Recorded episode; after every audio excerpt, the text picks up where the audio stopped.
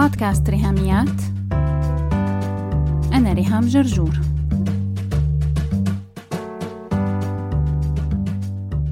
مرحبا متشوقين مثلي للجزء الخامس والأخير من محاضرة القراءة للأطفال. اليوم الفيديو مميز جدا وفيكن تتابعوه على يوتيوب channel ريهام جرجور وبتلاقوا ال link مع notes هالحلقة. من قلبي بتمنى أنكم تكونوا اقتنعتوا بأهمية وفوائد القراءة للأطفال وفعلا تحمستوا تشتروا كتب لأولادكم وتقروا معهم بعد كل يلي سمعتوه بالحلقتين الماضيين. ورح نكمل عليه اليوم بهالحلقة رقم 103 والجزء الخامس من محاضرة القراءة للأطفال.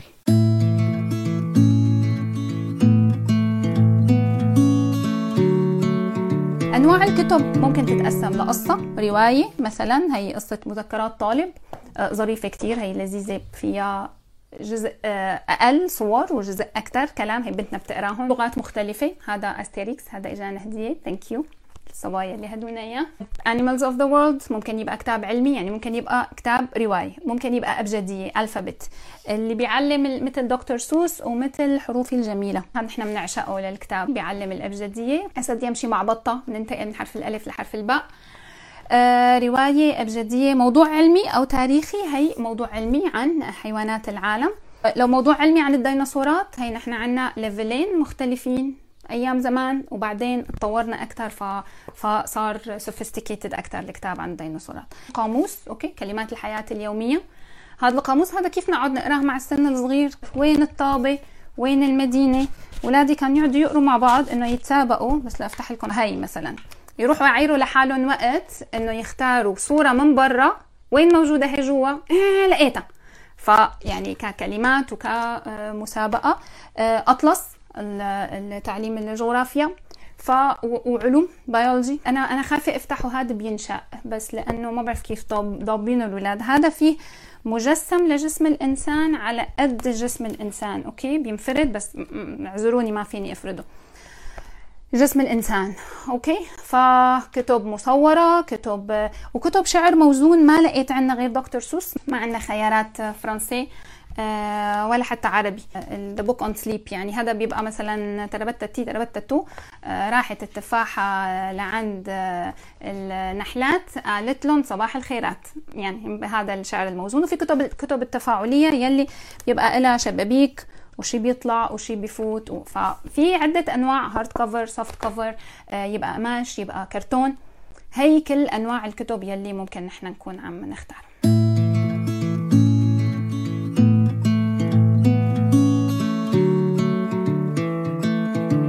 الوقت بحكمة. okay؟ ملحوظة سريعة هيك إنه يعني لا يكون مشروع قومي سوف نقرأ كتاب وناخذ مواعيد ولا يكون عقاب. شيل الزفت من إيدك بدنا نقعد نقرأ كتاب أو اطفي التلفزيون وقعدهم لا يعني هذا ما مود الكتاب مو داخل منافسة يعني مع التابلت. فنختار وقت يكونوا هني مرتاحين ويكونوا هني مبسوطين. امسك الكتاب باحترام. هذا الكتاب شيء قيم. بس بدي أعطيكم نموذج لكتاب من كتب مثلا دار الشروق غزالة وصياد.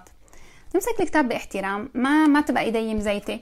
آه ما دلدق عليه عصير. آه ما نشخبط جواته هلأ بالنسبة للشخبطه شوي خليكم مرنين مع السن الأصغر بس نعلمه ونكرر المعلومة إنه الكتاب للقراية الدفتر للشخبطه فأنا رح أحترم الكتاب رح أحط له محل محترم بالبيت.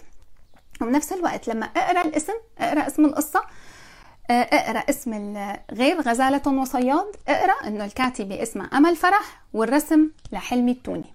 مين الكاتب ومين الفنان؟ فوق السبع سنين بحب يعرف أكثر عن الكاتب. لمحة مثلا عن الرسام. هون قد نتفق أو نختلف لكن فينا نعمل كل ما سبق. إني أنا فيني أقرأ باللغة الأصلية يلي مكتوب فيها الكتاب أو ترجم. لو هو English فيني أقرأ بالإنجليزي أو أحكي لهم قصة بالعربي. أو لو هو فرنسي أو لو هو فصحى. أنا حطيت الفصحى كلغة مستقلة كواحد من الخيارات المتاحة آه إني أنا أقرأ فيها أو أقرأ أقرأ بلغة تانية لكن definitely ما رح أقرأ. آه، جاءنا النبأ التالي. ما رح تكون نشرة إخبار okay؟ قاعدين قاعدة مريحة وهلأ نبتدي نبث الحياة بالقصة.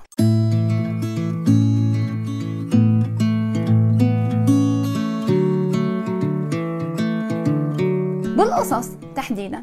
المهم إني أعمل أصوات مختلفة للشخصيات. جده وحفيده جده قال له يا ابني أنت ليش حاطط البيجامة بالغسيل؟ هي لسه نظيفة. مثلا. وبتتغير حسب المشاعر. اجى الولد خايف له يا جدو أنا أس أس أس أس أس أس أسف. حتى لو ما أنا مكتوبة هيك أنا أبتدي أعمل فيها أصوات مختلفة. واللئيم كمان يجي صوته. اجى جارهم أنا ها ها. وقعت البيجامة من على المنشر وما جبت لكم إياها خليتها بالشارع انسرقت. مثلا. تاني نصيحة أعمل مؤثرات صوتية. بكيت ساندريلا قعدت تقولوا لي الله راعد الجو نقعد نعمل مؤثرات صوتية. كان برد. أوه برد برد برد. واسألهم هون. كان في هوا كتير. كيف صوت الهوا؟ بعدين هو لقى فيه هيك شوية ورق واقع من الشجر صار يمشي فوقه. كيف صوت الورق الشجر لما بنمشي عليه؟ خرشت خرشت خرشت هيك قاعد يقرمش ورق الشجر. نخلي القصة تكون حيوية. وهون الأولاد فيهم يشاركوا كمان بالأصوات. هلأ أصوات الحيوانات مفروغ منها. اجى الكلب هون في بقى بتذكروا من المرادفات لما قلنا الكلب بالإنجليزي شو بيقول؟ وف. شو بيقول بالعربي؟ عو فينا نقول الاثنين. قعد يقول عو عو عو فراح الكلب الثاني رد عليه وف وف وف. اختلف نوعه ولا اختلفت بلده. في فيديو لبنتي كنا نسألها. شو بتقولي السمكة؟ شو بتقول سمكة؟ السمكة لها صوت السمكة بتحكي كمان من ضمن الحيوانات. الصمت جزء من الحوار وجزء من الحدث. نسكت ونعمل فيها دراما. النصيحة الخامسة الضحك. لو مرقت نكتة لو خبطوا بعض أو سديتها في عيشة قالت لو انت ضياع بتلاقي أولاد كركروا قعدوا يضحكوا. يعني ما عم بهدل حالي قدامهم نحن كل الحياة سعيدة أنا أمهم بالنهاية. وبنفس الوقت to have fun يعني أنت بتملي أقل. لو أنت انبسطتي واستمتعتي بالقراية لو أنت ضحكت مع أولادك أنت رح يكون وقت طيب وإنه شوفوا بابا عم يضحك بابا عم يضحك معنا يعني أو عم يضحكنا يعني. بس بالنهاية be yourself أنا ما نحتاج مهارات فظيعة يعني كلياتنا عنا خبرة كافية بالحياة لنعمل أشياء مهضومة آه، مع أولادنا. ممكن هن اللي يقروا القصة. أنا ابني تيتا جدو جابوا له ثياب آه، شامية قديمة آه، فيه يلبسها ويقعد يعمل هو حكواتي وهو اللي يقرأ لنا القصة ونحن نسمع.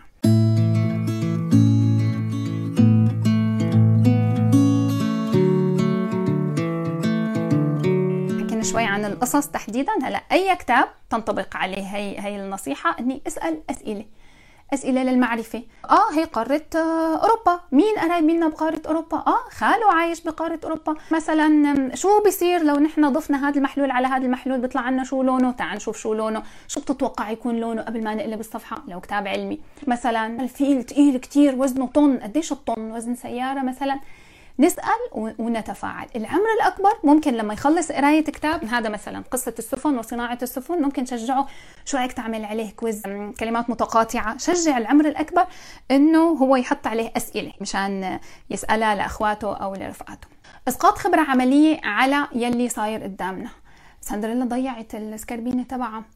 بتتذكروا آخر مرة ضيعنا شغله شو ضيعنا نحن؟ آه ضيعنا طب شو حسينا وقتها؟ نفتح مجال للحديث ونقرب القصة للواقع سواء من ذكريات قديمة أو سواء تخيل حالك أنت هيك يعني مثله قاعد بقى والدنيا برضه جوعان وصار ليل. وأصوات معتك قاعدة هيك عم تعمل وأنت جوعان وحالتك حالة. صارت معك قبل؟ لا ما صارت معي. يبقى نتخيلها. طيب لما صارت معك شو حسيت؟ نربط القصة بالواقع. توقعوها هي يا جماعة. لسه ها قافلين الكتاب. تاني تاني. طبيعي جدا بالعكس ضروري جدا. رح نستحمل ونقراها قد ما فيك تستحملي خاصة السن الصغير لأنه البريدكتابيلتي إنه فيك يتنبأ هو بيعرف القصة بيعرف شو بصير فهيك عنده إحساس بالأمان إنه بيعرف شو راح يصير. وتسأليه ويقعد يجاوب وما يجاوب. رح نعيد نفس السيناريو كله مرة واثنين وثلاثة وعشرة. يعني أنتوا وصبركم بقى. ولو النص شعري والكلام موزون تربتتي تربتتون فالتكرار بيساعدهم يحفظوه كأنه غنية. please اعطوها ميزانية هذا استثمار بمستقبل اولادكم استثمار بنجاحهم بالمستقبل واستثمار بعلاقتكم فيهم حاليا. علاقتكم معهم. نقرأ معهم ونشتري لهم كتب ونخصص ميزانية للكتب. إن شاء الله تكونوا استفدتوا. شكرا كثير لوقتكم. يلا bye bye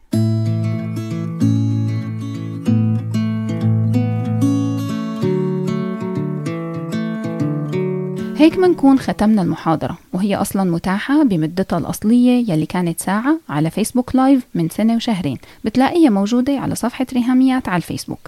لكن هدول الأجزاء الخمسة كانوا اختصار أسرع وأسهل لكم للمتابعة سواء على اليوتيوب أو هون بالبودكاست بمناسبة شهر حزيران شهر القراءة على بودكاست ريهاميات. النص الثاني من هالحلقة هو مشاركة حابة شارككم فيها عن جزء شخصي من حياتي أنا مع عيلتي.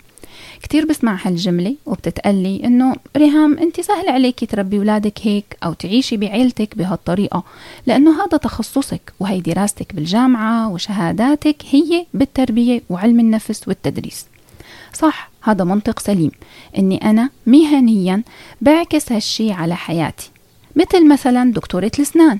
يعني مستحيل يكونوا ولادها أسنانهم مسوسين أو حتى مصفرين إنه طبعا رح يكونوا أسنانهم بيرفكت لأنه أمهم دكتورة أسنان. أكيد أنا ما بتوقع إنه كل الناس تقدر تطبق مية بالمية من يلي أنا بعمله بعيلتي. بس لو فكرنا أكتر شوي بمثال دكتورة الأسنان. أنا كريهام ماني دكتورة أسنان لكن برضو أولادي بيغسلوا أسنانهم كل ليلة قبل النوم وملتزمين تماما.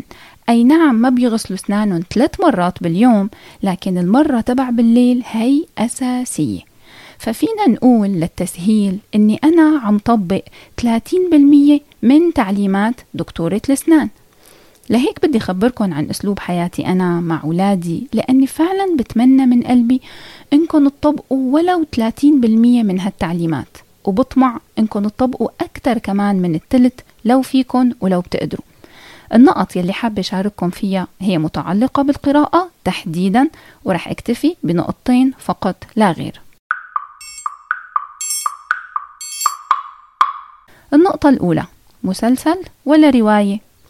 خلال شهر رمضان أنا ما تابعت ولا مسلسل نهائيا وما حضرت ولا حلقة من ولا مسلسل إطلاقا. كنت مكرسة وقت الشغل كله للدراسة والبحث والكتابة بكتاب التربية والكتاب تبع بنتي. التلفزيون واليوتيوب ونتفليكس بما فيها من أفلام ومسلسلات. هي مو بس هدر وقت رهيب لكن هي كمان بتزرع بدماغنا أفكار وقيم بدون فلترة وبتعيشنا بحالة جوا الدراما من الشاشات رح نلاقي حالنا باللاوعي عكسناها لهالحالة بعيشتنا اليومية وواقع حياتنا فهل يا ترى أنا بدي أعيش هيك؟ عيش هالحالة يلي المصادر تبعها أشكال ألوان بدون فلترة؟ ولا يا ترى أنا بدي أستقي أفكاري وقيمي وحالتي من كتب وروايات منتقات بعناية؟ طبعا بالنسبة للأطفال تحت سن 13 سنة فممنوع منعا باتا يشوفوا أي مسلسلات. وأنا بعرف إنه كلامي هاد رح تحسيه extreme دكتورة الأسنان على فكرة أولادها يمكن ما بيعرفوا شو يعني مشبك أو الحلويات من النوع يلي بيلزق بالأسنان أو بكسر الأسنان وبيخربها كل الأطفال التانيين بيأكلوا هاي الحلويات إلا ولادها لل dentist. فأكيد أنا بعرف إنه كل الأطفال التانيين بيحضروا مسلسلات أشكال وألوان إلا ولادي أنا. مستحيل يشوفوا أي حلقة من أي مسلسل سواء برمضان أو بأي وقت خلال السنة. يا لهوي. إكستريم يمكن. لكن ضميري المهني بيحتم علي إني خبرك إنه هذا بيتنا وهذا أسلوب حياتنا. وهي نصيحتي للكل يلي حابب يطبقها ليست مستحيلة بدليل أنه نحن عايشينها. أنا مدمنة روايات وخلال هالشهرين قريت أربع روايات أروع من بعض. وسط لخبطة ظروف صحية مع الأهل ظروف مدارس الأولاد تحديات مهنية بشغلي تحديات مادية ضغط نفسي ضغط بالوقت وكل شيء لكن خلقت وقت لأقرأ روايات مهمة جدا جدا. وحقيقي متمنية أعمل لكم نوع من أنواع الريفيو أو فيديو أحكي لكم عن هالروايات الأربعة. لكن خلاصة الفكرة يلي عم حاول أقولها بهالنقطة هي إني شجعك إنه ابنك وبنتك يمسكوا كتاب أحسن من أفلام الكرتون وإنك أنت تقري كتاب أو رواية أحسن من المسلسل. لا مجال للمقارنة أصلا ولا حصر للفوائد يلي منجنيها من الكتب مقارنة مع الشاشات. أهم فائدتين هني وحدة لجسمك يلي ماسك ورق بيرتاح وبينتعش مقارنة مع جسمك يلي لازق بشاشة وما رح نخوض بتفاصيل عيونك والأشعة ونفسيتك وجسمك والقعدة وعدم الحركة إلى آخره. لكن الفايدة الثانية سريعا هي لعقلك يلي عم يشتغل خيال وفهم وينتعش لما يكون ماسك كتاب وبيتأخر حتى مرض ألزايمرز كأنه خلايا الدماغ راحت عال game مقارنة بعقلك. يلي خامل ماسك موبايل قاعد على نتفليكس قاعد على شاشة وعم يتحقن بأنواع وأصناف السموم على الجاهز النقطة الثانية social media ولا كتاب؟ ولادي عمرهم عشر سنين و12 سنة وما عندهم موبايلات. زوجي عنده موبايله وأنا عندي موبايلي وفي بالبيت جهاز ثالث واحد أحد فقط لا غير. جهاز ثالث عليه نمرة الشغل تبعي. بعطيهم موبايل الشغل للولاد لو محتاجين يتواصلوا مع أصحابهم على واتساب بنمرة مشتركة بيننا نحن الثلاثة. ما عندهم فيسبوك ولا إنستغرام ولا تيك توك ولا سناب شات ولا أي نوع social media عملت لهم إيميلات من وقت ولادتهم سنة 2009 و2011 ومن إيميل ابني اشتركت له السنة الماضية على يوتيوب لأنه هو بيتابع فيديوهات كرة قدم وعامل subscribe لمحمد عدنان وبيتابع باكجات لعبة فيفا وبيس. نحن ما عنا إكس بوكس أو بلاي ستيشن أو وي وتحديدا الصيف الماضي بسبب كورونا جبنا لهم تابلت سامسونج حطوا عليه الأولاد أربع ألعاب لعبتين كرة قدم ولعبتين بنتي هي اللي اختارتهم. لكن ليس من ضمن هالألعاب الأربعة لا ببجي ولا فورتنايت ولا روبلوكس إلى آخره إلى آخره. وقت ال gaming اليومي محدد بساعة واحدة فقط لا غير بالأيام العادية. بس حتى أكون صادقة معك تماما في أيام بنكسر هالساعة بتمط لساعتين أو ثلاثة يمكن. وهي الأيام يلي بتشتد فيها أزمة معينة بظروفي أنا سواء وقتي أو صحتي أو مسؤولياتي. لكن برجع وبقول إنه هي الأيام هي الاستثناء. القاعدة هي ساعة gaming باليوم فقط لا غير. أما عني أنا بالنسبة لل social media فأنا مسحت application فيسبوك وإنستغرام ويوتيوب من موبايلي خلال شهر نيسان وأيار. قعدت 60 يوم بدون هالثلاث applications وهني هدول أصلا يلي عندي أنا ما عندي غيرهم. لكن خلال هالشهرين اضطريت أفتح الكمبيوتر لسبب متعلق بالشغل كان سبب اضطراري حصل ثلاث أيام تحديدا أثناء أجازة الشهرين. وكمان حصل حالات وفيات احتجت فيها إني أدخل على فيسبوك من الكمبيوتر أعتقد كانوا خمسة أيام ال total من أصل ستين يوم. بعرف إنه رح تقولي لي هذا extreme أنا ما عم أطلب منك تمسحي ال social media من موبايلك وتقعدي شهرين بدونه يا ريت تعملي هيك أكيد. لكن حتى تكون نصيحتي واقعية وعملية فالحقيقة هي إنه لو بدك تقري فهذا الخيار الوحيد قدامك. شيلي الزفت من إيدك وامسكي كتاب. إذا ما بتحبي القراءة اعتبريها دواء يا أختي. ما حدا بيحب طعم الدواء ولا الحقن والإبر. يعني حتى لو رح تجبري حالك على القراءة اعملي هيك. وتفرجي على مفعول القراءة تماما كمفعول الدواء. هلا بخصوص ال social media قلت لك إنه هاد ممكن يعتبر extreme عني أنا. لكن كون اولادي ما عندهم social media وكون إنه هن بيلعبوا أقل من ساعتين gaming باليوم فهذا ليس extreme. وما فيني أكد كفاية على هالنقطة. حتى لو كل الناس اعتبروه extreme هذا هو الصح وهذا هو اللي بيمليه علي ضميري المهني. لما دكتور أورام بيقلك إلغي اللحوم المصنعة واللانشون والنوجيتس لأنه بتعمل سرطان فهذا ليس extreme. أنا عم قلك إلغي ال social media لأولادك تحت ال 13 سنة والتزمي بأقل من ساعتين gaming يوميا لأن هي أشياء بتعمل سرطان وهذا ليس extreme.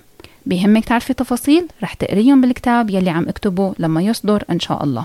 بدل ال gaming وال social media قدمي لأولادك كتب ومجلات بناء على الأمثلة يلي حكينا عنهم بالمحاضرة. الحلقة الجاية رح تكون عن كيفية اختيار كتب الأطفال.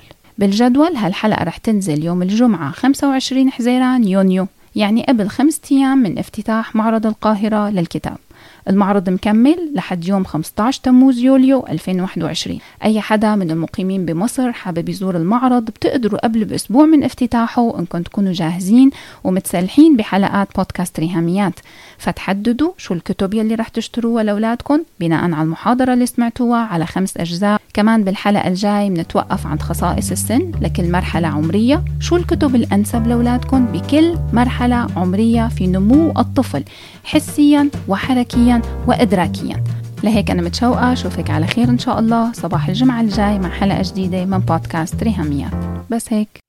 لو عجبتكم الحلقة لا تنسوا تشاركوها على ال social media حتى ناس أكثر تستفيد. تقدروا تتواصلوا معي عبر الموقع الإلكتروني لبودكاست ريهاميات www.rihamiat.com أو تبعتوا لي إيميل على ريهاميات at gmail.com أو message واتساب على الرقم 020 12 79 709 719 وعلى الفيسبوك دايما تابعوا صفحة وهاشتاج ريهاميات. سلامات.